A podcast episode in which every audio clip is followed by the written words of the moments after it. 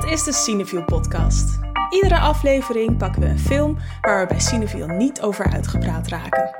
Films die gedachten oproepen en anekdotes bovenhalen en die ons weer aan andere films doen denken. Deze eindejaarseditie bespreken we niet één film, maar een heel filmjaar. Dat ondanks sluitingen van onze zo geliefde filmtheaters en uitstel van titels waar we zo naar uitkeken, ontzettend veel mooie Cineview films te bieden had. Gelukkig maar, want we konden deze lichtpuntjes op het witte doek en filmische pixels op onze schermen goed gebruiken. All we have is now. There's not enough scotch in the world for that one.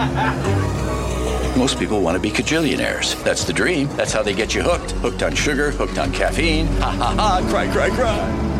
Weet je kent, Weka? If you're going to San Francisco, It's not reasonable. This is the first be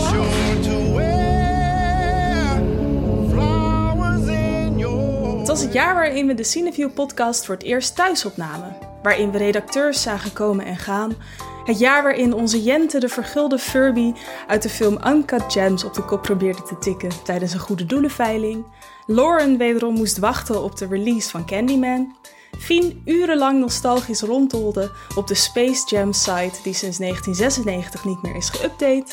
Jesse niet uitgesproken raakte over in de branding opdoemende exen uit Ex on the Beach. En waarin het mij, ondanks verwoede pogingen, niet is gelukt om een zuurdesembrood te bakken. How old are you, Moses? I'm 20. 16. Three. 20. I'm 23. I'm scared. It's alright. I'm a bit freaked out by that.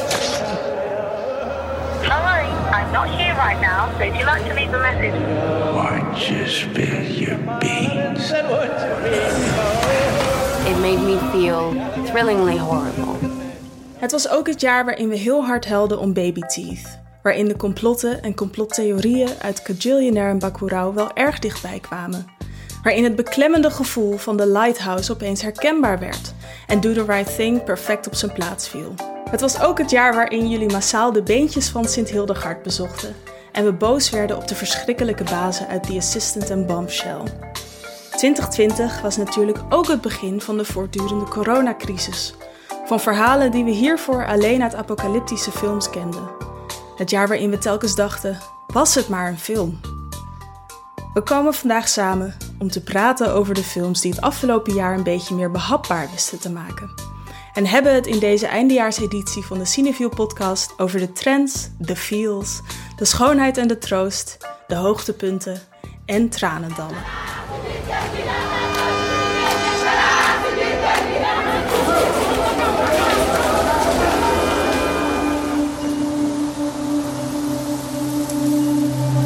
Je gaat dus als het ware de hoofdrol spelen in, in mijn film over jouw leven. Hi, Dad. Hey, kiddo. 너 미친 거 아니야? 미안하다 말도 안 하냐? Mijn naam is Maan Milker en ik ben redacteur van Cinefiel. Aan de digitale lijn heb ik mijn collega's Jente Buskus, Fien Veldman, Lauren Murphy en Jesse Heines, inclusief feestelijke outfit en oliebollen. Welkom allemaal. Hallo. In de Thuisblijf podcast eh, afgelopen voorjaar eh, hebben we het niet alleen gehad over film, maar ook over nieuwe rituelen en ontdekkingen die 2020 met zich meebracht. En ik was dus even benieuwd, eh, Lauren, kan jij die eh, split die je zo hard hebt geoefend, kan je die nou inmiddels? Nee. dat was, ik was in de eerste lockdown echt zo vol goede moed. Met heel veel dingen. Ik dacht toen, dit ga ik leren. Ik was wel ver gekomen. Maar toen begon het leven weer. En toen ben ik opgehouden. En eigenlijk bij de tweede en derde wilde ik alleen maar eten. Eten. Is het jou wel gelukt om dat zuurdesembrood te bakken? Nee. Andermans zuurdees en brood. En Oh ja, alle, alle andere dingen die je op kan eten.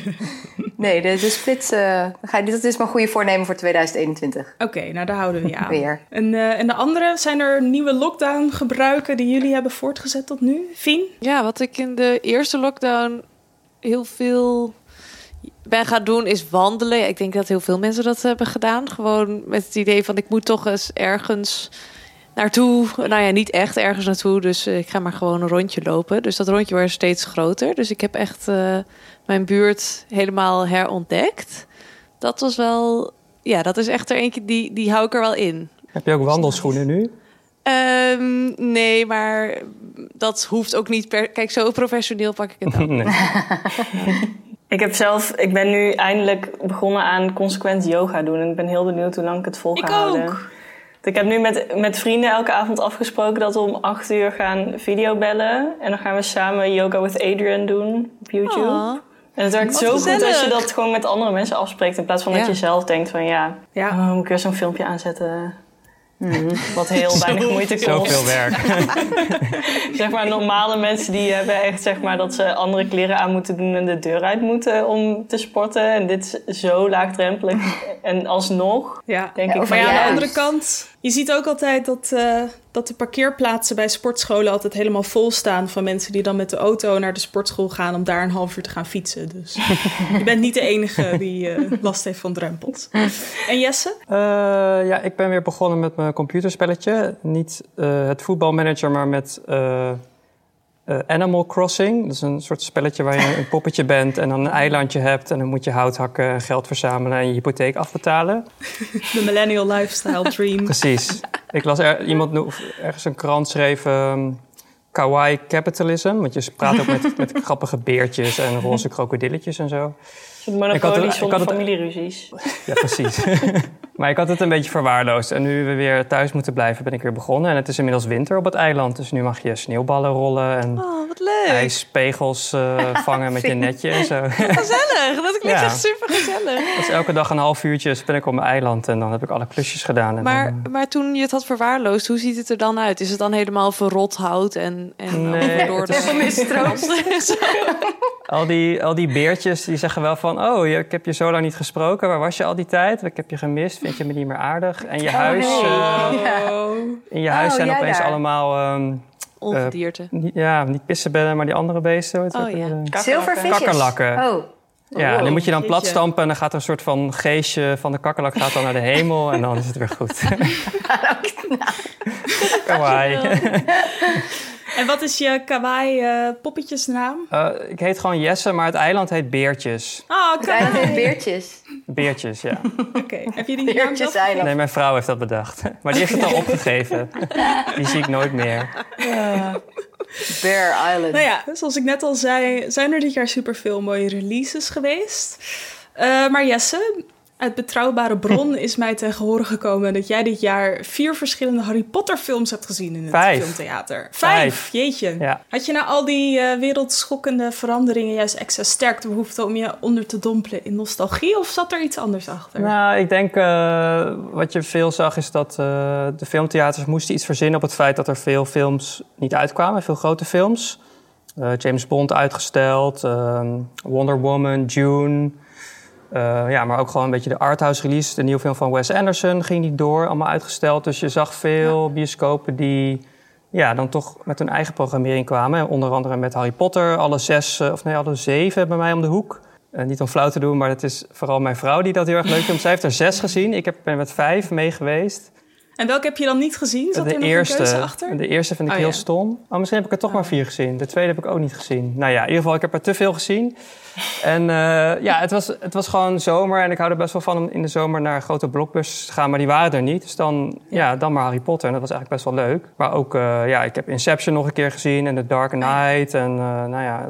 Ja, want veel plekken hadden rondom de release van Tenet... inderdaad allemaal Nolan ja. overzicht. En dat was dan eigenlijk bedoeld als één week. Maar de, die film bleef maar uitgesteld worden. Dus dat werden uiteindelijk twee of drie of vier weken oude Nolan-films kijken. Ja. Ja, dat was toch wel een, een, een, iets wat je veel vaker zag dit jaar. Ook heel veel releases, uh, heel veel klassiekers die gewoon landelijk opnieuw werden uitgebracht. Mhm. Mm -hmm. Crash, The Piano, Total Shining. Recall. The Shining. Ja, het was echt... Uh, Lord of the ja, Rings, kon- 1, 2 en 3. Ja, en dan ook nog de extended edities. Maar kon je die dan ook back-to-back kijken? Want dan heb ik nu eigenlijk heel veel spijt dat ik... Daar heb ik echt zo'n trauma aan namelijk.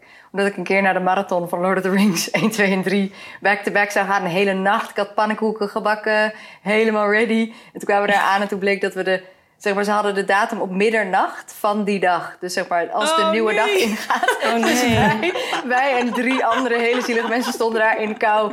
voor Pathé de Munt, was het volgens mij. Oh. En toen was de manager daar, die de volgende dag ging ons geld terughalen. Die zei ook, oh, jullie hebben echt iets gemist. We hadden orks met zwaarden. Oh, nee. Dankjewel, ja. Dus dat Volgens mij waren er wel eh, een paar theaters die ze soort van na elkaar programmeerden. Ja, ik heb alleen wel eh, intens. Crash en Crash met het Philharmonisch Orkest gezien dit jaar. Ook als... Oh ja, wij samen. Ja, dat was wel Waar echt ging te Crash gek. ook weer over? Voor de Crash is luisteraar? eh, een film van David, David, David Cronenberg. David Cronenberg. Eh, over eh, mensen die hitsig worden van ehm, auto's. En met name auto-ongelukken en ehm, snijdend staal. en eh, een hele interessante, rare, fetishistische film. Uit, weet ik even niet, ergens in de jaren 90. Ook heel erg jaren 1996. 90. Ja, echt een 90s film in alles. De sfeer en de muziek. En, maar daar hadden ze een live eh, orkest bij gedaan tijdens het IFFR. Aan het begin van het jaar, toen we allemaal nog helemaal niet wisten waar alles naartoe zou gaan. Ik weet nog dat er toen een paar filmma- filmmakers uit China waren die niet konden komen. Waar we interviews mee hadden van, oh, er is een virus. En niemand maakt zich Ja, dat was zorgen raar, hè? Dat, dat iedereen echt zo was van, oh, wat een onzin. Ja, allemaal Ze karaoke mogen helemaal niet zingen elkaar. komen. Ja, dat kan je niet meer voorstellen.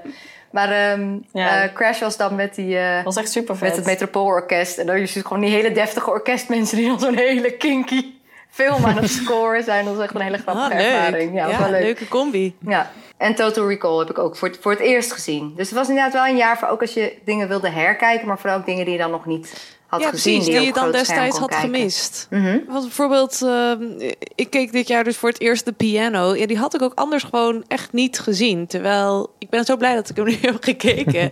dus dat is wel echt best wel fijn dat er dan zo'n moment is... om gewoon even de dingen te kijken die, die je dan ooit nog eens wil zien. Maar je komt er niet aan toe of het is gewoon nergens te vinden... op het Mhm. internet of waar dan ook. Maar ja, wat als er nou voor komend jaar weer, zeg maar, niks uitkomt... en ze weer opnieuw allemaal klassiekers moeten gaan draaien? Welke, welke Welke grote- blijft er nog over? Ja, wat is er ja, nog dan over? moet je doen wat ik heb gedaan, namelijk alle Twilight films. Wat ik ook iedereen aan ik, heb wel, ik ben ook helemaal losgegaan op die Reface app. Waar je jezelf zeg maar in filmkarakters kan. Heel eng eigenlijk. Het is echt totale deepfake. Oh. Kan je je eigen, ik heb mijn gezicht verkocht sowieso. Ik weet niet aan wie. Maar eh, heb ik ook heel erg mijn, mijn- mijn gezicht in Bella Swan gestopt. In Twilight. Dat werkt heel goed. Dus heel neutraal, gewoon de hele tijd Ja, een soort precies. depressief Heel chagrijnig kijken, waardoor het goed werkt. Want ze lacht niet, ze kijkt niet meer. Inderdaad, ja. Oh, daardoor komt het door. Jente verlaat nu de podcast om dit te gaan doen. Hoe heet die app, zei je? Reface app. Nou, dit is alles wat ik ooit gewild heb. Ja. Ja, het is wel Ja, want gek. die, eh, die heruitgaves, dat was ook wel mooi rondom eh, de Black Lives Matter protesten natuurlijk afgelopen zomer en de nasleep daarvan. Dat juist heel veel films die misschien eerder een beetje waren gesnapt, dat daar nu meer ruimte voor was om ook ehm, ja, historische titels te boeken, zeg maar. Niet alleen maar de films van zwarte makers van dit jaar, maar bijvoorbeeld eh, Daughters of the Dust, waar Jente dit jaar eh, naar uitkeek als eh, zomerfilm die draaide van Julie Dash. Ik ben er uiteindelijk niet heen geweest. Dat is echt heel erg. nou, dat is dan volgend jaar, weet je wel. Ja. Van als, als er weer klassiekers uitgegeven, dan, dan die hopelijk nog een keer. Dan kan Jente erheen. Eh Tuki Buki draaide van eh Gibril Diop Mambetti. Wat de oom is van... ehm Mati Job. Mati Job van Atlantiek, die ook dit jaar uitkwam. Dus eh, daarin hè, kon je even de Job-familie... eh, Deep dive doen. Leren kennen. ja, precies. Ehm, en ook Do the Right Thing van Spike Lee, wat wel een van mijn favoriete films van dit jaar was. Ook al is hij natuurlijk eh, veel ouder, uit 1989. Eh, maar dit jaar was er een re-release en we hebben er ook een podcast aan gewijd. Eh, maar wat mij opviel, die film, hè, de titel zegt het ook al, gaat ook over hè, wat, wat is nou het goede? Wat Ja. moet je nou doen als je het goede wil doen? En die zoektocht naar gerechtigheid, die kwam eigenlijk wel in meer films terug. Ik weet niet of het jullie ook is opgevallen. Ehm, en wat, ja, ik heb zelf heb ik een paar films gezien, zoals Just Mercy en ehm, The Trial of the Chicago Eight. En dat zijn beide films uit dit jaar die echt, dat zijn echt van die rechtbankfilms. Dus Oh ja. over Die ook op een waar trials. gebeurd verhaal zijn gebaseerd, toch? ja. Ja, En dat zijn echt van die trials, weet je wel, waarin er dan gerechtelijke dwalingen Ja. zijn. De Ja. mensen onschuldig vastzitten, ja of nee. En dus daar is dat zoeken naar rechtvaardigheid is, is vrij letterlijk en eh, gerechtelijk. Maar je ziet natuurlijk ook juist heel veel films. Die staat op Netflix toch trouwens? The Trial of the Chicago Seven. Seven, not eight. Oh, 8. Ja. Oeh. Daar komt wel volgend jaar nog een film over uit. Even de vergeten Chicago One. Ja. ja, precies. Oeh, spannend. Ja. Maar ja, je hebt natuurlijk ook juist films waarin, die, waarin ze juist vragen van ja, wat betekent het eigenlijk om die rechtvaardigheid te zoeken of hè, na te streven in een wereld die juist zo ontzettend onrechtvaardig is. En ik denk dat dat idee van de onrechtvaardige wereld, dat dat iets is wat heel veel mensen dit jaar misschien meer dan ooit in hun leven hebben gevoeld of bedacht. Ehm, ja, Jesse, jij hebt vorig jaar bij IFFR heb jij de film Corpus Christi aangeraden. Ja. Jente, je- die heb jij inmiddels gezien. Ja, ik heb hem toen ook op IFFR gezien. Dit Ja. jaar was dat. Ook, op- ja, Ja. dit jaar. Oh ja, zei ik vorig jaar? Ja, ik zit al Het helemaal... voelt als eh, vorig jaar. Al je jaartallen en getallen door elkaar aan het halen. Niet zoveel champagne.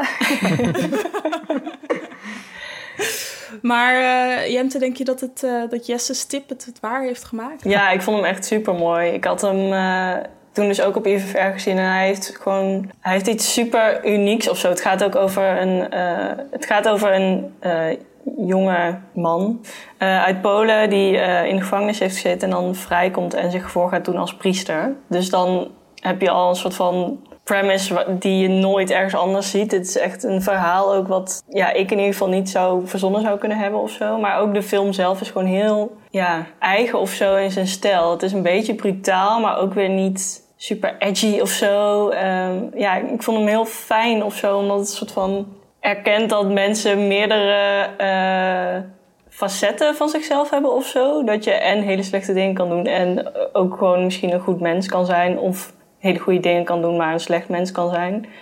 Ehm, Ja. En dat daar ook nog heel veel tussenin zit.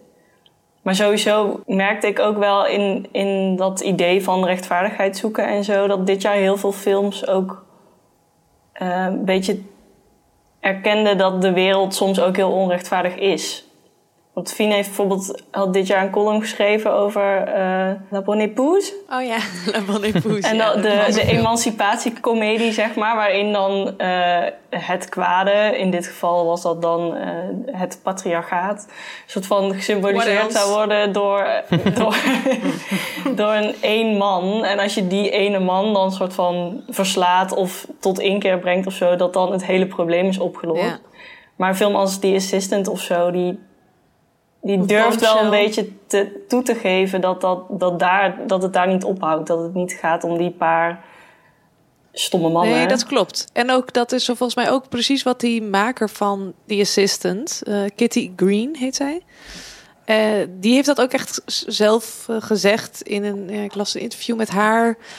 ehm, volgens mij in de Volkskrant. En dan, omdat haar film wordt heel erg gezien als een soort Weinstein-film. Omdat het gaat over een productieassistent die eh, bij ja, zo'n soort man dus op kantoor werkt. En, eh, en daar eigenlijk getuige is, een soort stille getuige is van eh, ja, dat, dat hij zich misdraagt en grensoverschrijdend gedrag vertoont. Maar ze kan niet echt precies zien wat er gaande is achter die gesloten deur. Maar alle, ja, hoe zeg je dat? Alle, alle, alles wijst in de richting van dat er iets helemaal eh, niet in de haak is. En eh, heel veel mensen zetten er dus, of tenminste beschrijven deze film als echt zo'n Weinstein-film. En Kitty Green zegt van ja, het gevaar daarvan is dat mensen dit soort problemen vereenzelvigen met Harvey Weinstein. En Ja, dan precies. ook denken van oh, Harvey Weinstein is, zit nu in de gevangenis, dus het, het probleem is voorbij. Ja. Eh, Ja. En dan zegt zij van, nou, het is groter dan die ene man. En dat is inderdaad precies met La Bonne Épouse. Ja, Een heel ander soort film overigens. want het is dus echt zo'n emancipatiecomedie... van zo'n soort van feel-good-achtige... ja, ehm, feministische strijd van een, van een vrouw op een hui- Feel-good huishoudschool. ja. Ja, inderdaad. En da- maar daarin is ook zo één man... Ja, die heeft het allemaal, weet ik veel, verpest. En als die man dan overwonnen is, dan, dan is het een soort van... Ja, hoera en amen en alles is nu goed. Terwijl, ja, dat natuurlijk totaal niet de realiteit is. Maar goed, wanneer heeft ooit een romantische comedie ons de realiteit voorgeschoteld? Nooit, natuurlijk. Maar goed. Ja, Twilight vind ik toch wel echt wel eh, realistisch. Is. Twilight de meest genoemde film in de podcast dit al. jaar? Als het niet zo is, dan wordt dat mijn voornemen voor 2021. Ja.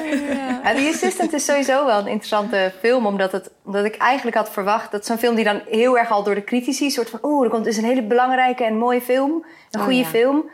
Je denkt, het kan alleen nog maar tegenvallen. Er gebeurt natuurlijk relatief Het is echt helemaal niet een soort van high concept entertainment ontploffing. Het is echt radicaal tegenovergestelde. Maar het was de eerste film ongeveer die wat grotere, zoals nog helemaal niet een grote film, maar een soort film waar een beetje een buzz omheen was na de tweede lockdown. En Ja. iedereen is er naartoe gegaan en iedereen vindt hem te gek.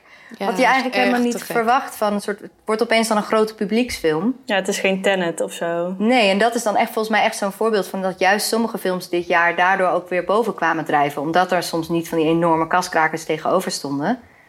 Ja, dat ze Ehm, echt de ruimte hebben gekregen. Eigenlijk. Ja, en ik vond het ook wel grappig dat er soort discussies ontstonden van. eh, ik vond The Assistant juist een hele subtiele film, omdat dat eigenlijk laat zien hoe, hoe wel continu aanwezig, maar niet zo ehm, over de top het aanwezig is. Zeg Mhm. maar. Dat machtsmisbruik en de, de, de manier waarop zij haar werk moet uitvoeren. Maar dat je tegelijkertijd bijvoorbeeld op, op social media een discussie kreeg met iemand die juist zei: maar dit is zo over de top en het ligt er zo dik bovenop. Dat je dan denkt: ja, nee, Oh ja, je gaat naar. Bombshell, daar ligt het wel dik bovenop. Ja, ja, ja. Nee, dat klopt. Want, oh, en tegelijkertijd zijn er ook mensen die zeggen van... er gebeurt niks in deze film. Het is super saai. En dat maakt het zo'n interessant film, ja. Ja. Dat je er op die manier over kan praten. gedaan. Ja. Ja, want Jesse, jij hebt Bombshell ook gezien. Kan je misschien even uitleggen waar die film dan over gaat? Eh, ja, die ging over de, de rel, of de, de, de, de baas van De Fox News. Ja, ja. de MeToo van Fox News. Maar een van de, de anchors, een van de vrouwen die daar eh, een programma presenteert... eh, op het punt staat om eh, haar zegje te doen over de praktijken van, van die baas. Ik ben even zijn naam kwijt. Roger Ailes. Roger ja. En ehm, maar ja, dat is best wel een, een... Die film, ja, grote filmsterren in de hoofdrol. Nicole Kidman, eh, Margot Robbie... Charlize Eh, Theron. Charlize Theron. Allemaal met zo gemake-upt dat ze er precies Ja. uitzien als die mensen in het echt. Echt, bizar, ja. Ja, behalve Margot Robbie dan, want zij is Ja. juist een fictief Zij bestaat inderdaad niet. Ja. Ehm, ja, ik heb die Assistant niet gezien, maar, maar de Bombshell is echt wel inderdaad zo'n Oscar. Kijk, wij gaan een Oscar proberen binnen te halen. En we pakken nu een, een onderwerp waar veel mensen mee bezig zijn. Ja, ik moet zeggen, het is bij mij niet echt blijven hangen. Behalve het feit dus dat het er echt uitzag alsof, alsof je daar op de redactie rondliep bij Fox News. Dus dat was wel heel goed gedaan. Ja, Ehm, Ja, ze werden juist te veel allemaal een voorbeeld van dit, wat, een soort, bijna een soort token of zo. Van oh, deze vrouw stond hiervoor, deze stond hiervoor. Dit, het was, ik vond het daar echt heel erg dik erbovenop liggen. Maar ja, tegelijkertijd daar was dan ook weer die discussie over van ja, is het erg om dit onderwerp ook op een wat commerciëlere manier voor een groter publiek of zo te behandelen? Ja, en wat ik juist ook interessant vond, inderdaad, in, in de verlenging daarvan, dat Fox News is natuurlijk een super rechtsconservatieve televisiezender, Mhm. waarin juist iets als feminisme als scheldwoord wordt gebruikt Ja, eigenlijk. klopt. Als in Ja. de hoofd, eh hoofdanker, ik ben haar naam even vergeten, maar... ehm, Meghan Kelly? Door, ja, precies. Die, nou ja, die, weet je, die in de film komt ook zo terug van, nou, I'm a feminist nou, weet je wel. Van, ik sta er helemaal niet achter, maar oké. Ehm, en dat juist een verhaal dat in die sfeer ehm, ja, zich manifesteert, dat dat is omgezet in deze film, dat snap ik heel goed. Ja. En ja, het kan, weet je, je hebt natuurlijk allemaal dingen die daarin eh, ook weer de film tegenspreken. Inderdaad, dat het zo'n commerciële film is, dat het bijvoorbeeld ook geregisseerd is door Jay Roach, wat een man is. Weet je, waarvan je ook juist kan zeggen van, nou, misschien moeten deze verhalen juist door vrouwen verteld worden of niet. Weet je, daar is ook discussie over. Uh, maar ik, ik vond het eigenlijk een film waarvan ik dacht van... als jij bij wijze van spreken Fox-kijker bent... en uh, hè, daar dus veel minder van meekrijgt... misschien van ja, feministische dingen die er gebeuren... of protesten of weet ik veel... dat, uh, ja, dat het misschien juist ook een goede... Instapper Juist of dat het, zo. er zo, ja, dat het er zo dik bovenop moet liggen. Gewoon omdat Ja, je klopt. ergens van ver moet Ja. komen of zo. Nou, dat is wel niet waar. iedereen dan over één kam scheren natuurlijk. Maar daarom, daarom was ik wel Ja. open tegenover Ja, ik, film. vond, ik vond dat dus ook wel. En ik dacht ook wel van, het is ook een omgeving, weet je dat Fox News en die Roger Ailes, het ligt er ook wel echt heel dik bovenop. Ja. Zeg maar ook bijvoorbeeld Ja. de dingen die hij zegt, dan zegt hij iets van, ehm, um, to play with the big boys, you gotta lay with the big boys. Zeg maar dat je ook echt denkt, je verzint niet dat iemand dit soort dingen gewoon echt kan zeggen, weet je wel. Maar hij deed dat dus echt. Dus, dus in diezelfde stijl is die film ook ja, gewoon onsubtiel. Totaal. Dat is het Ja, want grote het feminisme zit hem Dat- bijna ook in dat ze dan een keer dat ze gewoon weigeren dat, dat rokje aan te trekken. Weet je wel? Ja. Ja. Een soort Ja. van. Of ja. geen make-up op. Ja, precies. Ja, ja. Ja, dat, eh, dat is overigens in La Bonne Épouse ook het grote statement. Dat ze dan geen rok meer aandoet, maar een broek. Dus ja, in allerlei genres eh, zien we dit weer terugkomen. Ja, maar ik vond Bombshell wel vet gedaan eigenlijk. Ik Ja. vond dat wel echt een toffe film. Inderdaad, niet subtiel, heel anders dan The Assistant. Maar wel gewoon, ja, bijzonder eh, verhaal. Ja. Het is wel jammer dat, eh, dat Promising Young Woman uiteindelijk niet is uitgekomen aan het eind van het jaar. Want dat was wel echt een soort van leuke drietrap geweest. Dat je dan Bombshell, The Assistant en dan Promising Young Woman als totale niet subtiele afsluiter van het jaar. Want waar gaat die over? Ja, volgens mij had Jente er bij de vorige podcast kort iets over verteld. Wij zijn de enigen die hem hebben gezien, omdat hij eerst in mei werd uitgesteld. Toen had ik hem gezien, toen had Jente hem vorige maand gezien, toen werd hij weer uitgesteld. Ik snap ook wel waarom, want het is een beetje zo'n high concept film waarvan je wel wil dat zoveel mogelijk mensen hem op groot scherm gaan kijken. Ik hou heel erg van high concept films. En tegelijkertijd zelfs- zien ook. Ja. Ik herinner me zelfs bij deze film volgens mij dat ik het uitlegde... en dat Jess toen ook zei, het klinkt heel high concept. dat vind je vast leuk. ja, het gaat over eh, een vrouw die... een jonge vrouw, die, eh, een succesvolle jonge vrouw... dus, de promising young woman... die, die wraak gaat nemen op alle mannen die haar leven hebben verziekt... door eh, te doen alsof ze heel dronken is in de club. En dan komt er altijd een lieve jongen naar haar toe... om te vragen of het wel goed met haar gaat... of je een glaasje water voor haar kan halen... en of je haar naar huis kan brengen. Omdat ze er niet zo lekker uitziet. En dan vervolgens een pass te maken thuis. Of ze dat nou wil of niet. En dan blijkt ze toch niet zo lam te zijn als zich voordeelt. Deed. Volgens mij vertel ik nu echt woord voor woord hoe je het had geschreven. maar goed, dus high concept kan je ook maar op één manier vertellen. Ja, precies. Ehm, ik, vond, ik, ik, ik heb deel ook wel Jente's gevoel dat, ik- dat ik niet zo heel goed weet wat ik ervan vond. Maar dat ik wel hem nog graag nog een keer wil zien. Ja. En Daarom dat hoop hopelijk ik in ook dat hij nog, eh, 2021. ja, Ja. dat hij echt een release krijgt en dat heel veel mensen erheen gaan. Want ik moet het er ook gewoon met mensen over hebben, voel Ja. ik. Ja, want het is heel erg zo candy coated. Allemaal met roze bubblegum kleuren, kleuren en zo. Het is de een soort art van Gone Girl, heel- maar dan bubblegum. Ja, Oh ja. Oh, leuke, leuke beschrijving. En ook gewoon echt best wel grappig, maar natuurlijk ook weer helemaal niet. Dus zodra je dat helemaal niet toelaat, dan denk je, dan, gaat, dan raak je een beetje in de war. Of zo. Ja. Van, wa- wat moet ik hier precies bij voelen? Maar dat, is ook wel, dat maakt het ook wel interessant. Nou ja, dit was een eh, mooi fragmentje geweest voor volgend jaar voor het spel wat we nu gaan spelen. Wat Lore net zei. Want, Spannend. ehm, ja, nou, normaal vraag ik jullie natuurlijk eh, altijd om een fragment mee te nemen. Dat is gekoppeld aan een bepaald thema. Eh, maar voor de eindejaarseditie wilde ik het even anders aanpakken. Dus daarom heb ik eh, van ieder van jullie en van mezelf een fragment uit een Cinefil podcast van dit jaar meegenomen. Top. Ja, heel meta. Ik ben heel Ja. benieuwd. ja. Niks leuker En- dan je eigen stem terug horen, toch? Jullie mogen raden over welke film we het hadden. Eh, En gewoon om het even iets eerlijker te maken, eh, mag degene die je hoort spreken niet meedoen. En als je jezelf niet herkent, dan mag je er wel meedoen. Want dan is er iets. Dan is het blijkbaar zo lang geleden. Zitten jullie er klaar voor? Ja. Helemaal ready. Ja. Zo'n film waarbij die je echt moet ondergaan, waarbij elke vorm van afleiding eigenlijk eentje te veel is. Stilte speelt een hele belangrijke rol en sfeer en eh, de details in de frames en de structuren in de decors. Het is gewoon een, ja, het is echt zo'n film die, eh, die heel langzaam is, maar die je dus ook de tijd geeft om naar dingen echt naar te kijken en er dingen over na te denken. ah, ik weet het niet meer. Ik weet het ook niet. Ik dacht- mag een hint geven. Als hij het zelf heeft herkend. Ehm, het, het komt uit het programma van Previously Unreleased en hij was maar heel kort te zien in Cineville. Het wordt alleen maar moeilijker. Free, oké, Speelt zich af in Previously Unreleased. Waar het Portugal. is- Nee. Wat speelt zich af? In Portugal, maar het speelt zich eigenlijk ook af in een soort van... Oh, Vitalina Varela. Ja, Oh. Niet een- gezien, nog. volgens mij eh, heel weinig mensen hebben hem gezien. Volgens mij toen deze podcast uitkwam waren er nog vijf voorstellingen of zo. En toen Ja, hij heeft Echt sowieso zonde. echt maar in vijf of zes theaters gedraaid ook, volgens mij. Maar Maan, jij was er helemaal weg van, weet ik Ja, ik heb hem op. IFFR gezien. En het was Vond echt... jij een van de eh, beste films van het jaar, volgens mij? Had ik Ja, van IFFR inderdaad. Ja, Want inmiddels zijn er wel wat andere films nog bijgekomen op mijn eh, favoriete lijstje. Maar ja, ik vond het gewoon echt een kunstwerk. Cool. Echt een film die moet ondergaan. Ja, precies. nou ja, eh, geen punten. Want eh, Oh. niemand heeft Oh. het eh, direct Nou ja, gedaan. maar Lauren... Ja, Lauren oké. had het wel. Nee, nee. Ah. Na de hint. Nee. Oh, zo. Knoerstreng. Knoerthard spelleider. Een halve kerstbal voor Lauren. Oké, en dan nu het volgende fragment. Ja, daar begint de film ook mee met zo'n hele lange galerij in zo'n flat. En echt gelijk zo'n soort beklemmend gevoel. Maar ook heel erg een, een huiselijk gevoel. Ja, ik weet het. Oh, ik weet hem ook. House of Hummingbird? Ja! Ja, die wil ik nog heel graag zien. Ja, dat was dus mijn lievelingsfilm van dit Ja. jaar.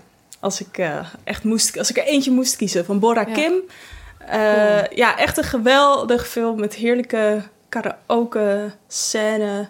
Ik, dat was eerst mijn favoriete karaoke scène van dit jaar. Maar toen had ik Baby Teeth gekeken, waarin ook een hele vette karaoke scène zit op het nummer Baby van Oh eh, ja. Joe. Oh, zo'n mooi nummer. Ja, die is ook wel dat is echt een hele goede scène. Ja. Ja, ja, precies. En toen dacht ik van, hmm, gedeelde eerste plek. Dus, eh, maar heel goed. eh, weer, of nu een hele kerstbal naar Lauren.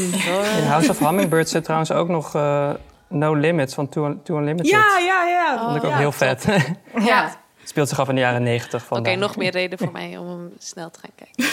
Maar Maan, jij had toch ook, je, je had ook zo'n lijstje. We hadden, we hadden allemaal lijstjes op social media gedeeld van mijn 2020 herinneringen Ja. aan dit jaar. Van mensen, waaronder ook die van Maan. En daar had je ook in gezegd dat je in je, in je woonkamer op dat nummer Klopt. ook een goede herinnering had aan die film. Ja, ik heb, eh, ik heb echt gedanst en gezongen. En mijn kat werd daar helemaal een soort paniekerig van. Die dacht, "Wat is dit?"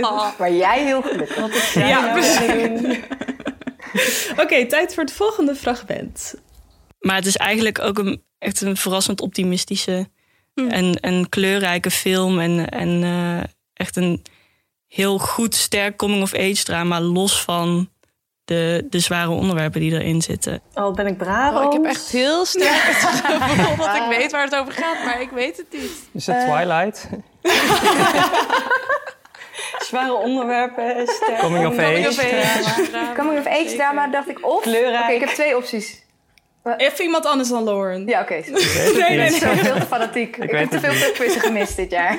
Nee, Lauren, doe maar. Je mag. Maar ik, ik dacht of Baby Teeth of The Last Black Man in San Francisco. Voor welke ga je? Ik weet het niet.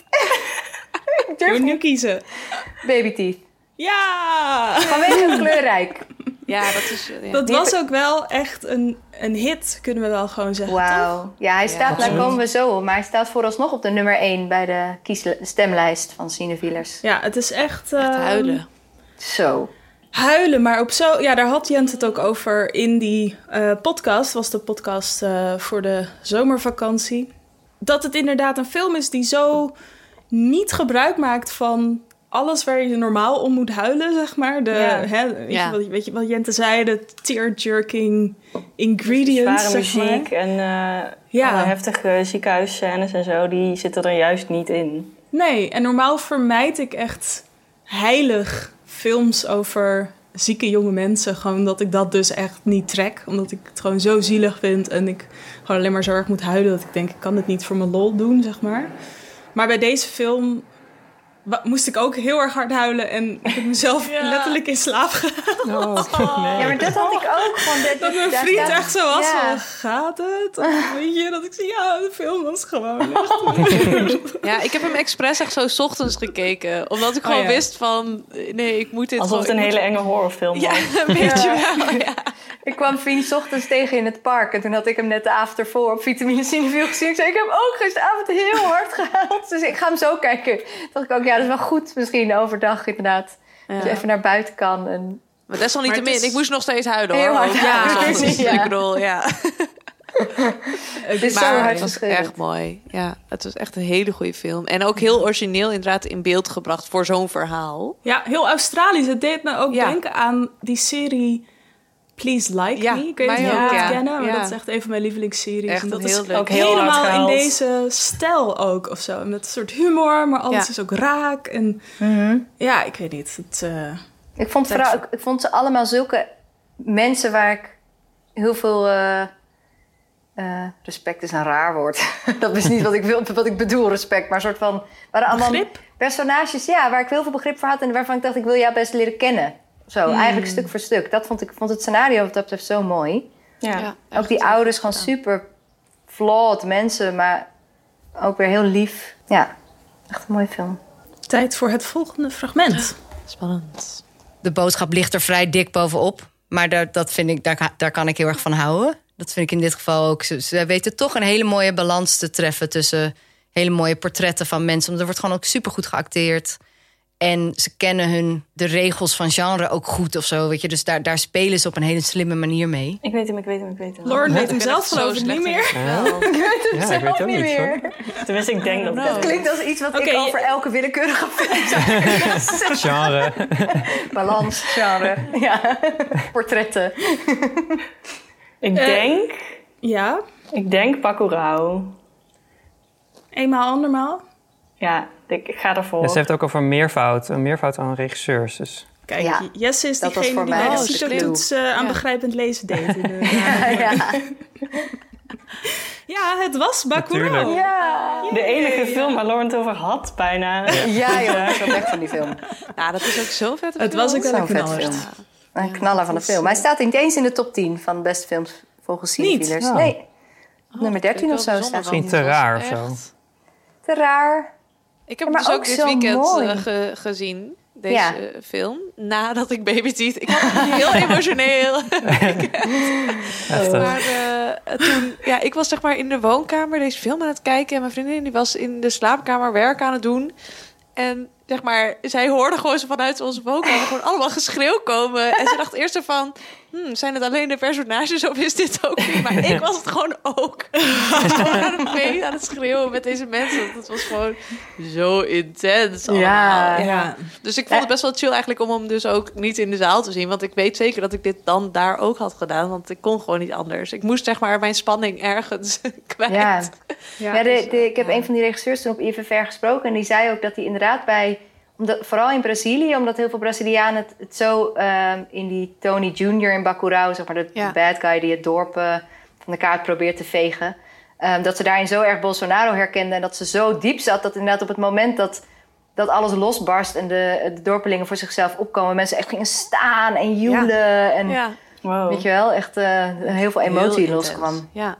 Ja, ik vind dat echt, ook echt een te gekke film. En zo'n voorspellende film. Echt. En achteraf Ja. vond ik ook mooi om ook in die mijn 2020 lijstjes te zien... dat veel mensen hadden gezegd van met wie wi- zou ik in quarantaine willen volgend jaar. En dan waren er drie mensen of zo die hadden gezegd met de dorpelingen van Bacurau. Want zo'n gemeenschap, weet je wel, waar iedereen elkaar zo goed kent en aanraakt. En dat is echt waar iedereen nu naar zou hunkeren. Mooi.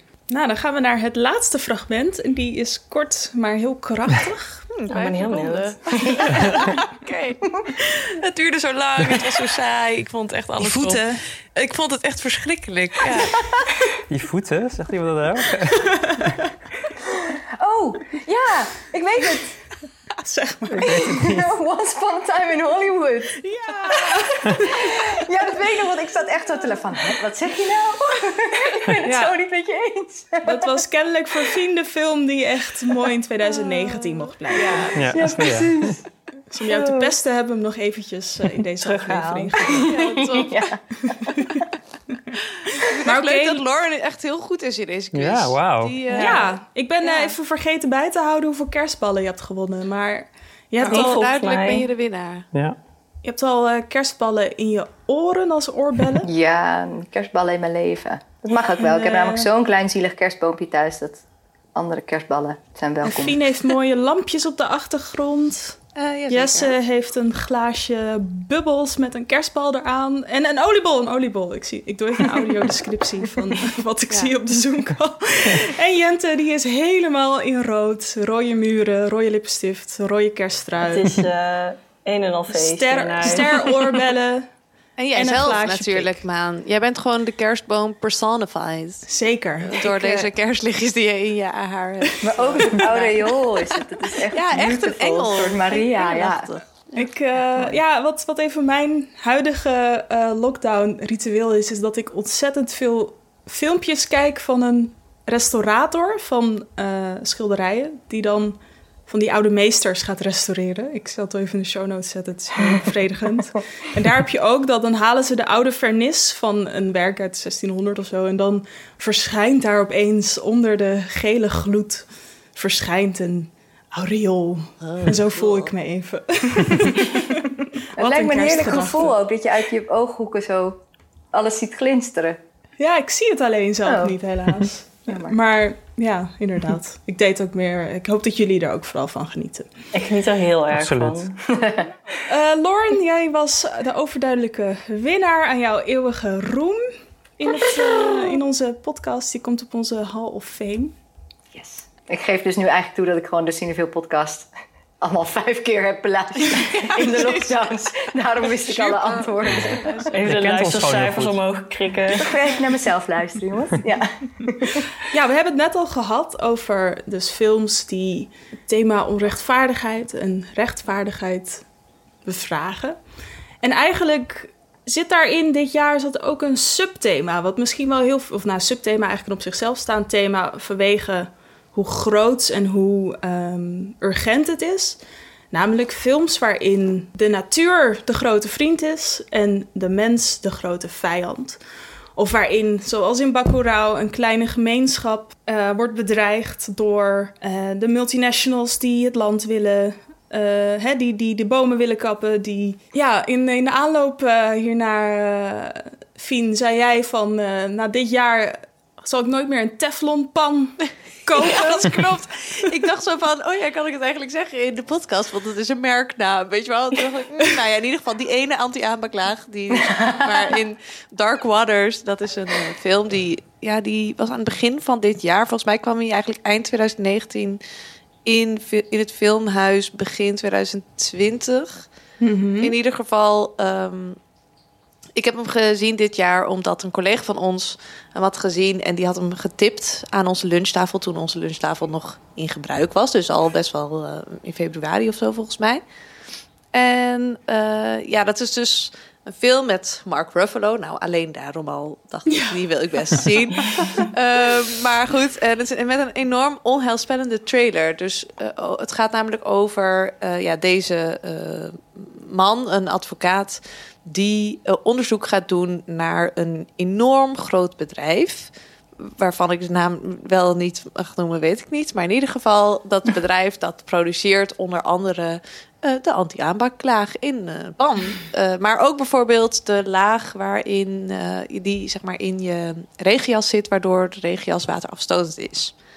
En dat is gemaakt van een bepaald soort chemicaliën. Die worden ook wel forever chemicals genoemd, want die gaan zeg maar nooit meer uit eh, je lichaam, bijvoorbeeld als je in Echt je een lichaam hebt. onheilspellende naam. Maar ook, ja, eh, Ja. en ook dus nooit meer uit de wereld. Ze zijn er gewoon voor altijd en ze zijn echt super, super giftig. Dus, eh, Ook dus Tenet de- kan er niks meer mee doen. Nee, je kan, je kan, je kan niet meer Je kan er niet investeren, het is er gewoon. Ja, precies. Ze zijn er in wat voor soort van tijd eh, je ook leeft, zo ongeveer. Eh, maar goed, en dan gaat die advocaat dus die, eh, dat, dat bedrijf eh, aanklagen en kijken hoe ver die komt. En dat is echt een enorm spannende film. Ook omdat gewoon, ja, er gebeuren gewoon helemaal bizarre dingen in dat dorpje waar dan eh, zo'n fabriek staat. En dat is dus ook gewoon echt gebeurd. Dat, dat een boer opeens al zijn koeien gewoon dood neer ziet vallen. eh, en denkt van, wat de hel gebeurt hier? Nou ja, dat is dus omdat dat spul in de grond zit. Doodeng. dus dat, het is echt eng. En ook, het is juist eng omdat het dus waar gebeurd is. En omdat het, ja, eh, dit, dit gebeurt nu nog, weet je wel, er zijn nog steeds heel grote Ja. bedrijven die dit soort Ja. dingen doen en ermee weg proberen te komen. En eh, ja, dat heeft mij dus eh, daarvan overtuigd wat voor pannen ik wel en niet moet kopen. en dus nooit meer die ene met die anti-aanbaklaag. Dus eh, ja. Dus nu doe je heel veel olie en boter in de pan, zodat het niet aanbakt. Nee, want je hebt ook wel zeg maar van die Met keramische keramiek. pannen en Oh ja, zo. Je precies. hebt allerlei andere hele goede eh, uitvindingen die niet zeg maar verschrikkelijk zijn voor de mensheid en dierenwelzijn en de natuur. Dus dat is top. Ook een film waarin iemand eh, ja, de natuur, ik weet niet in hoeverre je de natuur kan noemen, maar in ieder geval probeert te beschermen tegen de oprukkende stad en mensen die eh, huizen willen bouwen en et cetera. Is in Holly, Honeyland. Ja. Oh, zo mooi. Zo mooi. Vertel. ja, die kwam uit in januari. Ze was een beetje gezakt bij mij of zo, totdat we het er weer over gingen hebben. Maar eh, het gaat over eh Haditse, heet ze volgens mij. Een, eh, eh, een bijenhoudster, een imker. Ik In weet eerlijk gezegd niet meer waar het is. In Macedonië. ja. Macedonië. Eh, daar is zij met haar bijenkoloniën en het gaat gewoon helemaal goed met haar bijenkoloniën. Want zij heeft gewoon helemaal uitgevogeld hoe dat moet. Namelijk, je moet 50% van de honing voor de bijen achterlaten. De rest kan je zelf meenemen en dan komt het allemaal goed. Dan, dan is het systeem in balans en dan hoef je je nergens druk over te maken. Ehm, en dan komen er ineens nieuwe buren bij haar. Eh, die sowieso als super luidruchtig soort van aangekondigd worden in die film. Gewoon als zij binnenkomen is de hele sereniteit van die film die tot nu toe, die tot dan toe er is geweest. Gewoon totaal weg. Schreeuwende kinderen, brommende motor van een busje en zo. En eh, die buurman die besluit dus ook dan bij te gaan houden. Maar hij heeft zoiets van ja, eh, ik ga niet 50% van mijn honing laten zitten als ik die ook gewoon kan verkopen. En die twee werelden botsen heel erg met elkaar of zo. En die Haditse heeft echt zoiets van, wat gebeurt hier nou? Eh, maar die buurman kan er eigenlijk ook niet echt iets aan doen. Want hij verkoopt gewoon aan een soort van groothandelaar die zegt van... ik wil meer honing. Met een boze vuist bijna. Best wel een tragisch verhaal of zo. Omdat je echt aan, aan het begin word je zo in die wereld gezogen. En het is zo mooi gefilmd en zo rustig. En die zoemende bijtjes. Normaal gesproken raak ik dan meteen in paniek als ik insecten hoor zoomen. maar bij die film had ik zo, oh wat fijn, de bijen zijn er. En daarna is het gewoon helemaal een soort van hellscape aan kapitalisme en gillende kinderen. Maar die vrouw vindt het ook wel gezellig, toch? Die vindt het ook wel leuk om met die kinderen zo een beetje te spelen. Ja, want die kinderen die zijn nog wel een soort van nieuwsgierig van hoe werkt dat dan? Ja, leg en die, leg het zij, zij leert dan ook van hoe het. Dus de nieuwe moet. generatie staat er op zich wel voor open. Maar Ja, eigenlijk wel, ja. het is een beetje wat ook hè, I Am eh, Greta over Greta Thunberg in die documentaire naar voren komt. Ik weet het, heeft iemand... Ik heb hem niet gezien. Nee, Ik ook niet. Nee. Ik ook niet, alleen jij, Maan. Ik heb hem wel gezien, ja, klopt. one. Wat vond je ervan? Ik durf niet, ik ben bang dat ik depressief word. Ja. Nou, het is, het is eh, hoe zou ik het zeggen? Enerzijds ben je eh, blij met wat voor aandacht er ook is voor eh, klimaatonrecht en oplossingen daarvoor. Maar aan de andere kant, als je kijkt naar de premissen van de film, van je hebt eh, Greta Thunberg, die dus eigenlijk het gezicht is geworden van, ehm, van de klimaatbeweging eh, onder jongeren met de schoolstaking eh, iedere vrijdag niet naar school voor het klimaat. Dat eigenlijk wordt gezegd van zij is dat gezicht geworden, maar ze wil dat eigenlijk niet, want het gaat in alles, alles in haar is niet, houdt niet van aandacht. Ja, dat, dat zegt ze ook heel duidelijk, zeg maar. Maar ja, ik, ik, ik, ik vind het eigenlijk helemaal vaak niet fijn om bij mensen in de buurt te zijn of wat dan ook. En toch heb je dan een documentaire over haar als persoon. En gaat het juist heel erg over haar dagelijkse rituelen, haar relatie met haar vader. eh, hoe dat dan zo gaat als je naar een klimaattop gaat. En als je dan niet gaat vliegen, maar met de trein. Hè, dan ben je lang onderweg, zeg maar. Dan gaat het ook over die reis. Of met, met de zeilboot naar eh, hè, de oceaan Ah, ja. over naar de Ja. Verenigde Staten. Dus dat, ik weet niet, ik zat de hele tijd heel erg ertussenin. Dat ik aan de ene kant dacht van, ja, want eh, dit is belangrijk of zo. Maar aan de andere kant dacht ik ook van... ach, maar als dat meisje echt niet die aandacht wil... dan doe je haar hier misschien niet echt een plezier mee. Door een documentaire Nee. over haar als persoon te maken. En die documentaire is niet voor haar gemaakt, maar voor echt duidelijk voor andere mensen. Ja, Eh, precies. En- want er zijn genoeg mensen, denk ik, die dat dan wel eigenlijk willen weten. Ja, van zeker. haar. Ja, ja. Ja. Ja. Ja. En het kan ergens juist ook inderdaad helpen voor hè, de greater cause, zeg maar. Als je ook Ja. misschien wat Ja. meer sympathie hebt voor degene eh, die daar dan het gezicht van is geworden. Want dat is natuurlijk iets, dat komt ook in de documentaire naar voren, dat heel erg veel mensen haar vervelend vinden, ook al is ze gewoon een kind, zeg maar. Ja. Ehm, ja, dus dat, dat, ja, dat vond ik van de film. Maar het past wel echt binnen een breder breder thema wat we afgelopen jaar dus inderdaad hebben gezien. Dus in wat we net hebben genoemd, in Honeyland, ehm, Dark Waters, maar ook eh, in Sidik en de Panter. eh, Mhm. Documentaire. eh, ergens ook. Ja, Wolfwalkers. Wolfwalkers is ook, die is echt met stip ook in mijn top 5 beland. Zo nog net even op het nippertje. Die heb ik Zo nog niet gezien. mooi. Echt heel mooi. Maar ik, was, ik werd wel heel enthousiast van jullie podcast. eh, Ja, ik vind het echt een kerstige film eigenlijk ook. Terwijl ik bedoel, het heeft verder niks met kerst te maken, maar meer gewoon het soort film wat je graag wil De boodschap kijken is zo zo in de donkere dagen. Ja, Come together. Nee, ik vind, ik vind het echt een. eh, niet alleen omdat het mijn Ierse roots of zo daardoor werden aangesproken, maar het, het, la- het laat zo erg, voor mijn gevoel, heel erg de Ierse. ehm, het gevoel wat je ook kan hebben, ja, trots en het gevoel wat je kan hebben in Ierland als je daar bent en je. Het is, heel, het is daar soms zo uitgestorven en de natuur speelt zo'n grote rol in heel veel delen van Ierland. Ook voor de boeren bijvoorbeeld en de manier waarop ze moeten leven. Vooral in het noorden, waar de Atlantische kust gewoon zo weet je, keihard op, overal opbeukt. En het is er altijd nat en modderig en gewoon heftig.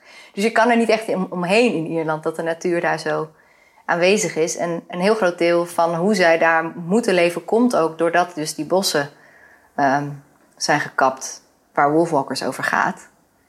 Eh, en ze zijn er heel trots op ook, de meeste Ieren. De jonge mensen willen daar ook allemaal van weg, van het platteland. Maar ze zijn er ook heel Ja. trots op.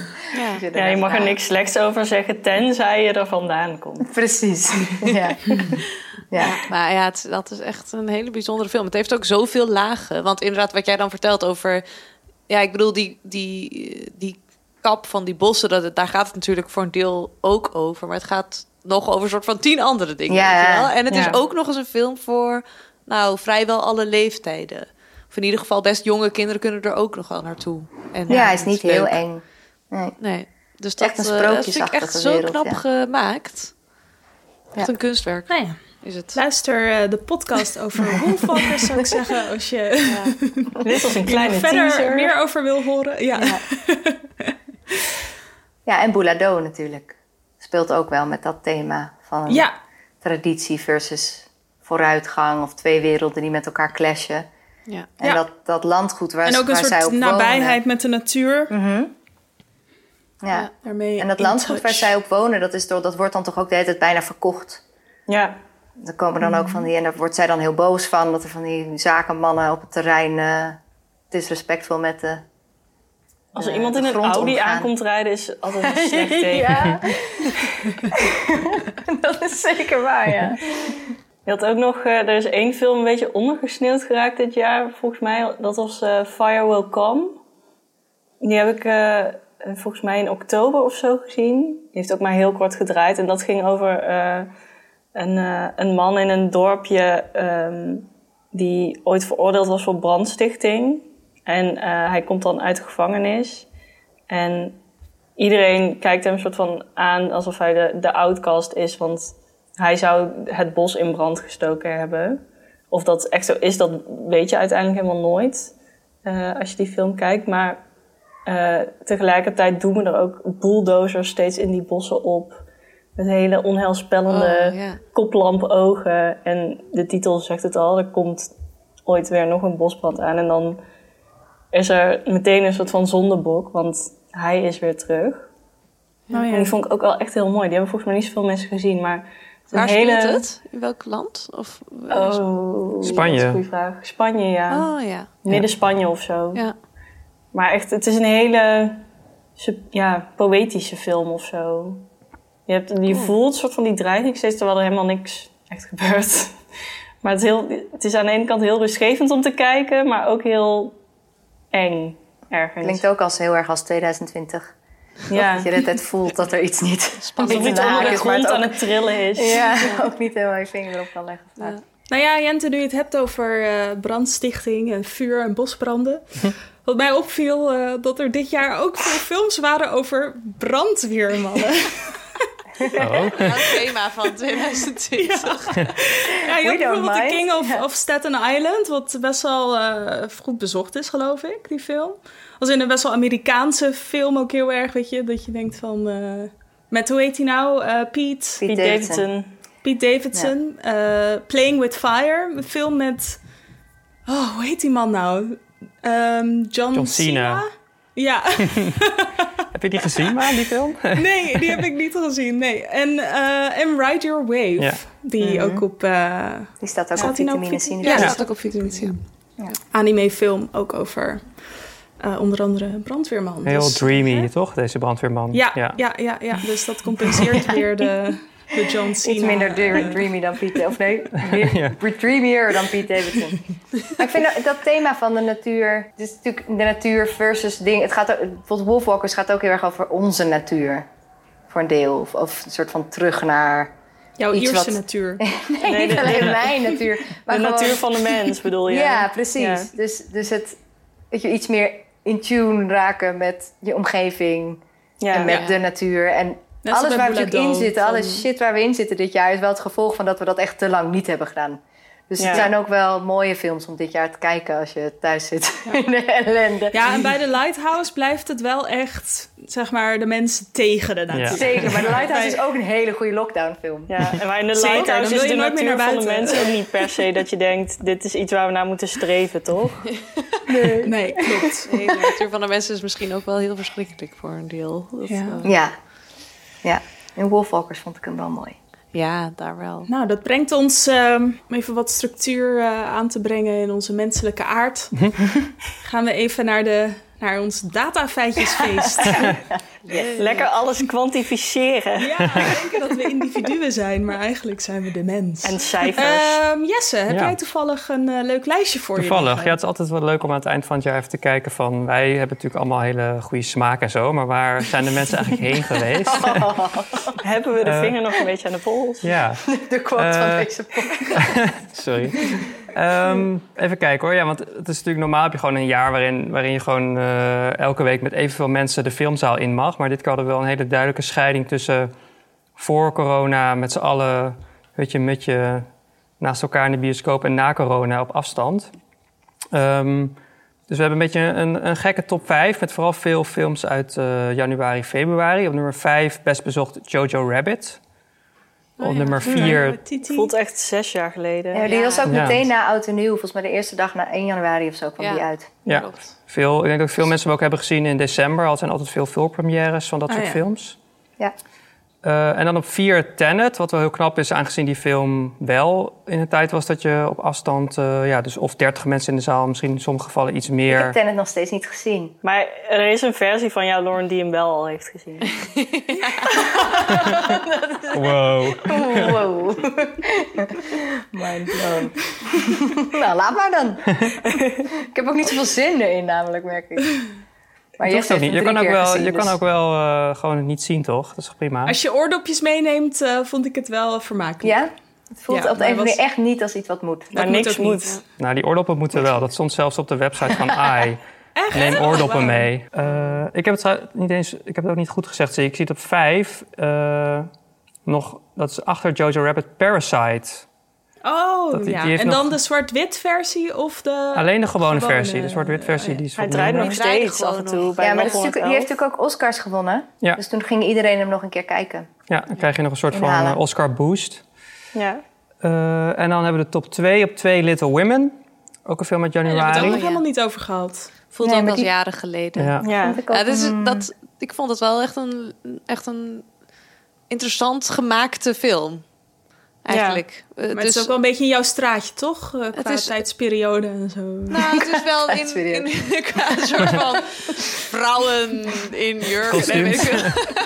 Je had wel, vriend, eerlijk, eerlijk, je had wel een stuk geschreven eind vorig jaar met wat je graag wilde in 2020. En het waren meer vrouwen in jurken. Dat klopt, maar vooral queer vrouwen. En je zou Ja. nog best kunnen zeggen van die Joe dat ze inderdaad super lesbisch Ze is maar dat wordt- queering. Ja, precies. Dat denk ik wel, want ik denk dat Timothée Chalamet gaat, gaan we over 20 jaar hetzelfde over horen als ze over Leonardo DiCaprio in Titanic altijd zeggen. Toch? Oh ja. Dat is? Er is zo'n soort theorie dat, Ja, dat, heel veel vrouwen vrouw- die eigenlijk nog Ja. in de kast zaten... heel erg verliefd waren op Leonardo DiCaprio Ja, in hun klopt, tienertijd. ja. omdat hij er eigenlijk gewoon best wel vrouwelijk... en Best wel misschien ook een beetje butch zeg maar, uitziet. Ja, klopt. in die film. Dat een soort van, dat een soort van lesbische meisjes die heel jong zijn, die lijken eigenlijk gewoon op, op Leonardo DiCaprio, die ook heel jong is. Zo van dezelfde look, weet je wel. Dus het Is dat herkenbaar? zo- ja, nou, niet voor mij persoonlijk, maar ik heb er wel veel over gehoord over deze theorie. Ja, Ja. dat Er zeker. dus misschien inderdaad dat, dat nu over, bij Little Women ook eh, een beetje vergezocht wellicht, maar toch, het kan. Ja. We houden hem in de gaten. Jojo Rabbit en Little Women eindigen wel allebei vrij hoog in de tot nu toe de top 10 van cinefielers. Ja. Jojo staat op nummer 6 en Little Women op nummer 7. Little Women was ook echt wel zo'n cast dat je echt denkt van... Ja, Ja, dat gewoon knal. één en al sterren of zo. Ja.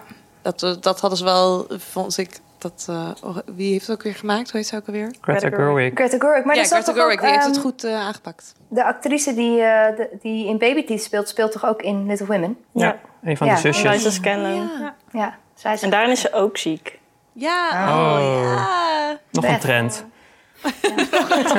En in Sharp Object, waarin ze speelt ook. Echt... Nee. Oh, wauw. Ja, heel fascinerend. Oké, maar Jesse, maak Oh je ja, lijstje af. Eh, nou, de nummer 1, hij is nog helemaal niet Spannend. voorbij gekomen vandaag. Het is 1917. Oh, natuurlijk. De, de oorlogsfilm Niet gezien. in ja, één ik, ik had eh, dit jaar, ja, ik- voor Blikvangers had ik eh eh, Foley-artiest eh Daimo da Costa had ik geïnterviewd. Staat op cineview.nl. En hij noemde die film als een film die heel erg bijzonder is vanuit Foley-perspectief. Dus Foley is zeg maar al het geluid wat niet in een film wat niet sprake is en wat niet de soundtrack is. Dus eh, hè, geluiden van voetstappen en een slokje water en zo. En die hele film heeft natuurlijk die illusie van een one take, zeg maar. En om dat ook echt te laten voelen, is juist ook dat geluid heel belangrijk. Dat je gewoon constant echt daar bent met Ja, de personages. En alle voetstappen telkens hoort veranderen door... En ze lopen door loopgraven, daar is het heel modderig. Soms door grasvelden, soms in een schuurtje. En dat moet allemaal apart opgenomen worden in een, in een studio. Eh, of deels al ter plekke, maar wel door hè, iemand die daar echt apart de voetstappen opneemt, als het ware. En dat, dat zette mij... Er ging zo'n wereld voor mij Ja. open toen hij dat vertelde. het was echt... Toch Dan is zo'n film opeens dat je opeens veel beter snapt waarom daar bijvoorbeeld zo'n groot budget heen is gegaan. Of weet je, dat je, het zit in Ja. zulke kleine details. Ook die eindigt heel hoog in de top 10, namelijk op nummer 3. En die had, die had het toch ook heel goed gedaan bij de Oscars? Of waren ze alleen genomineerd? Nou, ze waren veel genomineerd, maar uiteindelijk is... eh, Ah. Ja, dat is- zou je ook bijna vergeten. Maar Parasite heeft gewoon in februari die prijs Ja. gewonnen. Ja. Oké. Ehm, nog een eh, nog één feitje Nou, wat eruit sprong? Misschien nog leuk om te zeggen dat dus de films die uitkwamen na corona... Tenet was dus ook goed bezocht, maar andere films die het goed hebben gedaan... zijn Corpus Christi, On the Rocks en Cajillionaire. Dat zijn ook films die veel... eh, in oktober waren de, waren de cijfers ook wat beter qua corona. Dus toen durfden mensen ook weer naar de film. Dus On the Rocks is Sofia Coppola, Cajillionaire, Miranda July. Het Ja. zijn ook wel grote namen natuurlijk. Ja, echt van die Binnen Cineviel-titels. Cineviel, eh, ja. Ja. En ook wel opvallend, we hebben natuurlijk dit jaar Vitamine Cineviel eh, opgericht, het online, eh, de online filmzaal. Eh, en wij konden dan dus heel goed zien dat eh, de best aangeklikte films van dit jaar waren De Patrick en Wij. Twee films waar naakt nogal een grote rol in speelt. Dus Oh, wat cinefielers. Zo van, ik durf niet op Pornhub, maar ik zit wel thuis. Op vitamine. Pornhub heeft alles verwijderd. Kijken, ja. Ja, lekker naar, eh, hoe heet die ook alweer? Pierre Bokma. Pierre is Bokma, toch- inderdaad. Pierre Bokma met een, met een, met een eh, truitje op zijn schouders. En een snor. Zo Op de camping. Leuk. Ja, zegt toch wel veel over ons publiek, dit. Ja. En dus ook de best bezochte film, de Nederland, best bezochte Nederlands film De Beentjes van Sint Hildegaard.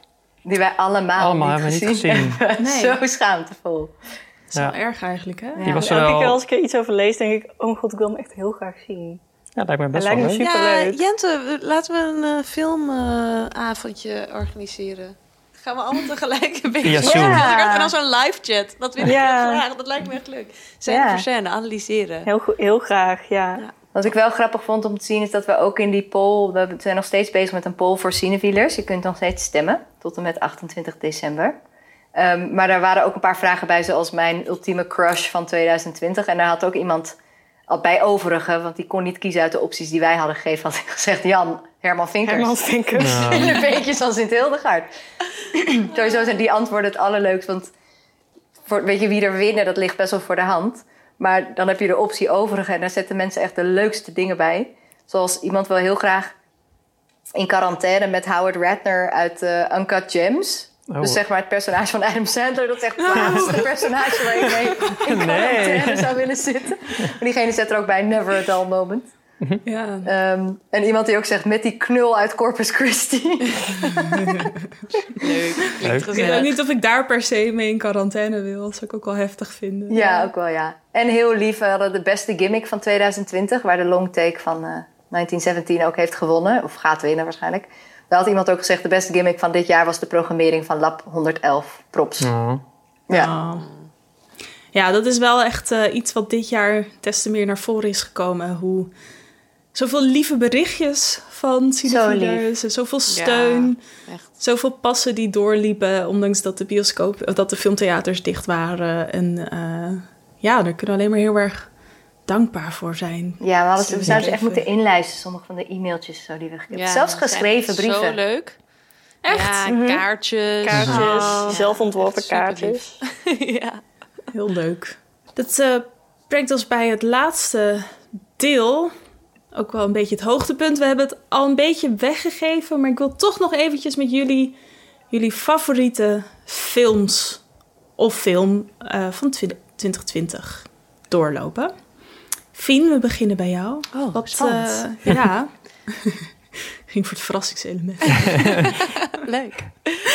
ja. Ehm, ja, mijn echt één favoriete film heb ik eigenlijk niet. Maar Mogen ik, ook meerdere zijn.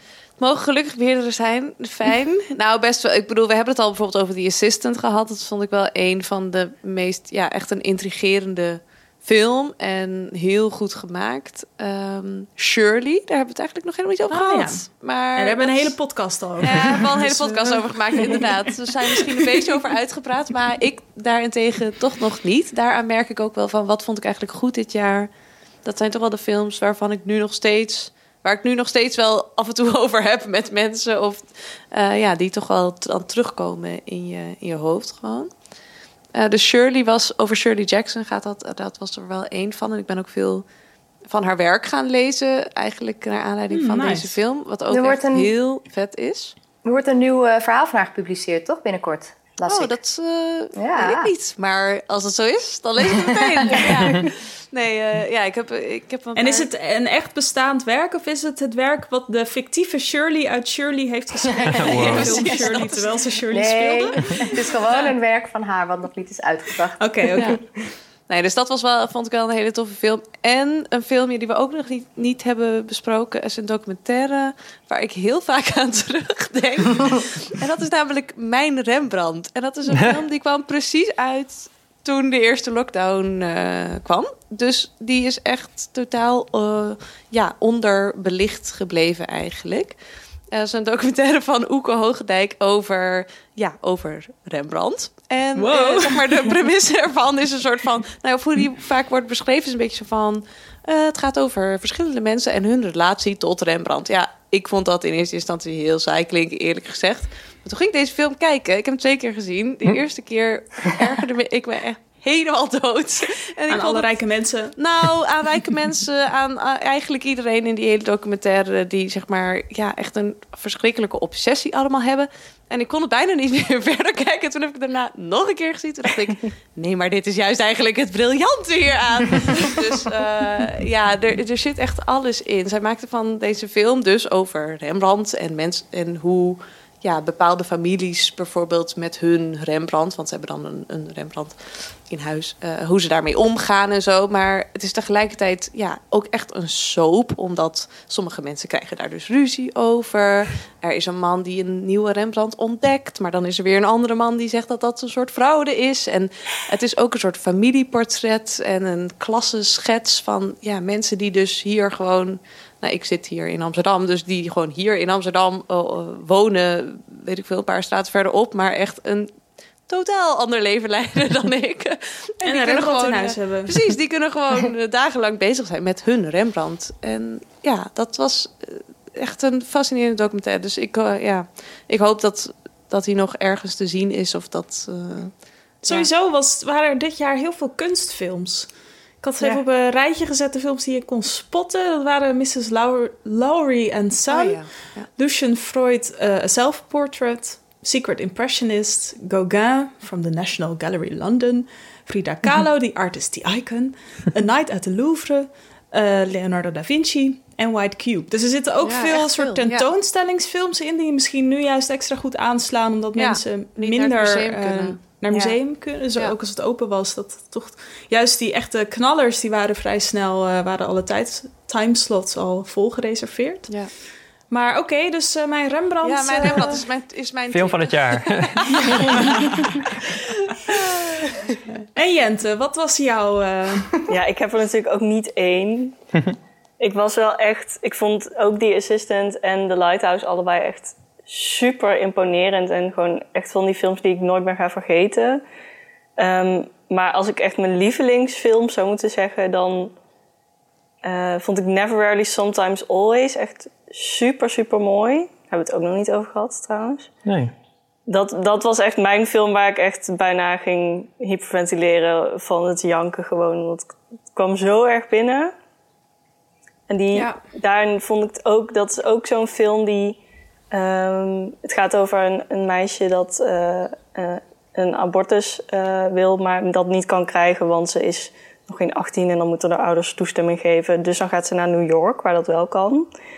Ehm, met haar nichtje en haar beste vriendin. En dat was ook zo'n film die echt zo goed liet zien hoe het echt van alle kanten je onmogelijk wordt gemaakt om gewoon zelf die beslissing te nemen. En ehm, toch ook heel subtiel was. Hij deed me ook ja, in, de, in de stijl zo een beetje aan die assistant denken. Omdat het echt van die kleine opmerkingen zijn of zo waar het hem in zat. En die vond ik echt super mooi. En een van de mooiste aanraakmomenten. Ik zat de laatste tijd na te denken over aanrakingen in films of zo Ja. dit jaar. En wanneer ze. Omdat we de- dat voelt dan bijna gek inmiddels, toch? Als je iemand Ja. elkaar ziet knuffelen Ja. of zo. dat je zo van, wat doe je? Ehm, maar in Never Rarely Sometimes Always zit ook een heel mooi moment... dat zij elkaars hand vastpakken Ja. op het moment Ja. dat dat Toen er moest echt ik dus toe doet. Ja, zo mooi. Ja, en een, een andere die ik echt heel erg mooi vond en waarvan ik ook hoop dat heel veel mensen hem gezien hebben of gaan zien, was eh The Last Black Man in San Francisco. Die, Ja. Dat is echt een hele bijzondere film. En heel anders dan elke andere film die ik ooit heb gezien, denk ik. Gewoon in hoe die gemaakt is en hoeveel liefde er uitstraalt of zo voor de mensen waar het over gaat en ook voor de stad waar het over gaat. En, eh, het is best wel een, een soort van activistische film ergens, maar in de manier waarop het dat is weer totaal niet. Juist heel omarmend of zo. Vergevend. Hele mooie muziek. Hele mooie muziek. Moest ik ook bij huilen. En ik huil niet vaak. Nu lijkt het alsof ik heel vaak Ja. Maar als, dat, als ik eh, ergens moet huilen, dan Sowieso is het ook vijf. meteen een extra ster Ja. erbij voor mij. Maar heb je niet ook nu, in, in, juist do- doordat je misschien hele andere impulsen hebt dan normaal, dat sommige dingen ook opeens veel heftiger binnenkomen of zo? Of, Ja. ik weet niet, nu je minder wordt uitgescholden in het verkeer, dat je daardoor sneller gevoelig reageert. Maar wel meer in de supermarkt. Oh ja, natuurlijk heb je nu juist extra Ja. mensen, dat als je dan mensen aan, tegenkomt, dat ze, nou ja. Ja. Jesse, wat was jouw ehm, favoriete Ehm, film? Nou, ik moet natuurlijk films? even Tenet noemen. Ik weet niet of het mijn favoriete film van het jaar is, maar ik ben er drie keer heen geweest. En nou ja, het is toch een soort... En James Bond, ook al heb je hem nog niet gezien. Maar gewoon het idee dat hij bestaat. Nee, ik vond, ja, Tenet, het, het was geen perfecte film, maar het was in ieder geval een film waar, waar je het over kon hebben, waar veel ook over is geschreven. Eh, ik heb hem op 70 mm gezien, dat is ook heel tof dat Kino in Rotterdam ook nu zo'n 70 mm projector heeft. En eh, nou ja, ik blijf het gewoon fijn vinden om ook af en toe naar de film te gaan en gewoon explosies te zien. Dat, dat was dit jaar eh, vrij weinig het geval.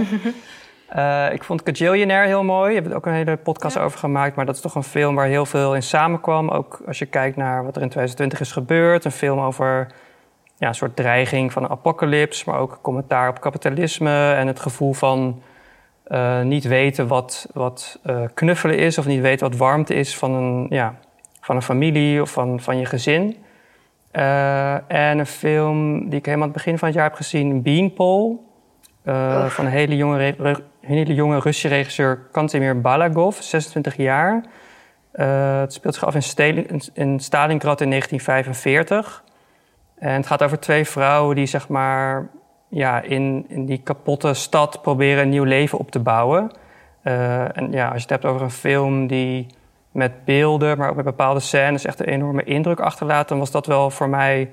Ja, kom ik weer met mijn, met mijn deprimerende geschiedenisfilms, maar het is wel. Ja, ik, ik raad hem niet aan heel veel mensen aan, maar het, het, het is Zo mij heel erg bijgebleven. Ja, er zit, er zit één scène in, vrij Ja, vroeg in de film. Ja, ik heb veel heftige dingen gezien in films, maar dit, dit was weer een soort van next level, eh, ja, soort van oorlogshorror. Maar het, is wel interessant dat het gaat over een eh, periode van opbouwend. Want vaak gaan oorlogsfilms natuurlijk op het moment dat er heel veel geschoten wordt. En hier gaat het juist weer over een stad die terugveert. Eh, en die, die twee vrouwen doen dat op hun eigen manier. En het, het is wel... Het is heel verdrietig, maar het is ook ja, heel menselijk. En ik vond het gewoon een hele mooie... Ook hele mooie kleuren, een soort van herfstkleuren is het Mhm. allemaal gefilmd. En eh, ja, dat, ik denk dat die film eh, nog het meest is bijgebleven. Maar echt bizar toch om te bedenken dat hij zo jong is ook, Ja? die regisseur. Want ik denk van, wauw, wat voor echt een oude ziel, zeg maar, Ja. met zo'n film. Ja. Dat heb je ook toch bij, die, hoe heet ook weer de regisseur van Son of Soul? Oh ja, die is ook... Die is ook piepjong. Ja. Nou, vrolijk afsluiten. Ja. En Lauren, eh, wat was jouw Ik, eh, favoriete film? Ja, dat, ik kan natuurlijk nooit kiezen, dus nu zeker niet. Maar ik, eh, de Assistant is al langsgekomen en Wolfwalkers. Assistant vond ik heel goed, maar niet per se, ik denk de aller... was niet mijn favoriet van het jaar. Maar zeker... Ja, maar ik vraag nu naar je favoriete film. Mijn favorieten, ik, ik, ik, ik, ik, ik deel ze in op eh, gevoel. Ik zou zeggen de waanzin van The Lighthouse en Uncut Gems. Hoewel die niet, Ja. bijna niet in cinefilm heeft gedraaid, maar gewoon de Het zijn wel fysiek- films die inderdaad qua energie vrij elkaar even Ja, gewoon bijna een soort fysieke ervaring. Wat ik wel tof vind in een jaar waarin het weet je, verder om je heen zo stil wordt. Dat zo'n film je nog helemaal oh, lijp kan maken, zeg maar. En ehm, nou, Bacurau, vanwege de lagen. En Boulado is nog niet heel veel genoemd deze podcast, maar eh, heeft het Gouden Kalf gewonnen. Ehm, er is ook een podcast over gemaakt met de scenarist Esther Duisker. Ik vond dat gesprek ook heel interessant. En ik vind die film... Ja, ik, vond het, ik was echt verwonderd door die film. En dat, Ja. ehm, dus daardoor is hij me heel erg bijgebleven. Verwonderd over de verhalen die erin werden verteld... en over het land waarin ik leef... waar heel veel mensen leven die deze verhalen met zich meedragen. Ehm, ik werd er gewoon heel nieuwsgierig en, en eh, verwonderd van, ja. Dus dat, dat, ik vond het echt een film die een soort belofte inleidde... voor Nederlandse film in de toekomst. Dus de toekomst ook. En dat mag wel eventjes in 2020. En Nou, ik had er graag mee willen afsluiten, maar ik wil zelf ook nog even Ja. op mijn favoriete film. Maan, wat zijn jouw favoriete films? Nou, bij mij was dus echt tip nummer één was eh, House of Hum- Hummingbird. Zuid-Koreaanse film vond ik echt, echt heel mooi. Eh, het voelde echt als een soort... eh, omdat hij niet erg was gehyped of zo, voelde het echt als zo'n verborgen pareltje. Waarvan je zo denkt van, wow, hoe kom ik hier nou weer opeens op? Ehm, ik vond het echt, echt een cinefiel film. Heel speels. ehm, er zaten historische elementen in, Jesse. Mhm. Ik heb hem gezien. Oh, je hebt. Oh, je hebt hem gezien. Ja. Maar ehm, ja, en dan op de tweede, derde plek. Ja, die assistant vond ik ook heel goed. Ehm, al vond ik het ergens wel jammer dat hij dus zo kort was. Voor mijn gevoel, ik weet niet of hij letterlijk kort was, maar hij voelde Hij zegt best wel maar anderhalf uur of zo, inderdaad. Want ik dacht van, eh, ik had hier nog wel wat langer in kunnen blijven hangen in deze spanningen en weet ik veel. eh, Had ik ook wel, ja. het vond ik juist heel sterk eigenlijk. Om daar, weet je, ik wilde daar nog wat meer van.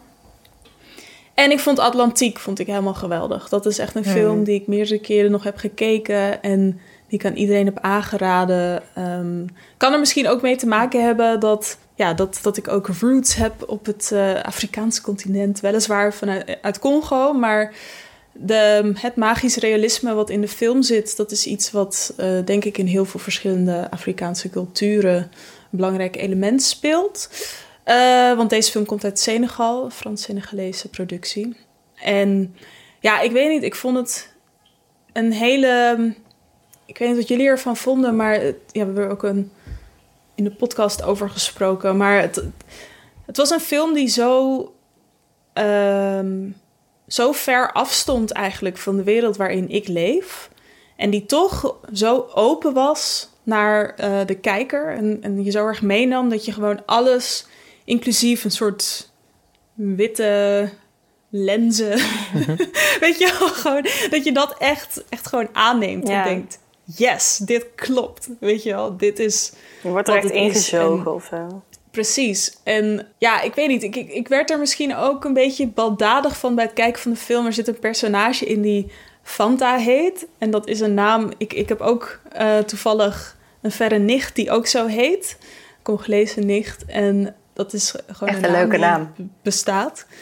En er zat achter mij zat een man die gewoon iedere keer als die naam werd genoemd, was hij zo, "Oh, mag het ook cola zijn? Nee. Oh, nee. Weet je wel, dus ik dacht van, oh, dat, dat, dat zo'n film ook zoiets los kan maken. Dat geeft aan de andere kant ook alweer weer dat het ook bijzonder is dat zo'n film er is. Omdat voor heel veel mensen moeten ze wel van heel ver komen om dit mee te maken. Maar ik denk dat toch iedereen eh, de zaal verliet met een idee van, ja, dat ze er wel echt in op waren gegaan en dat het ze had ontroerd.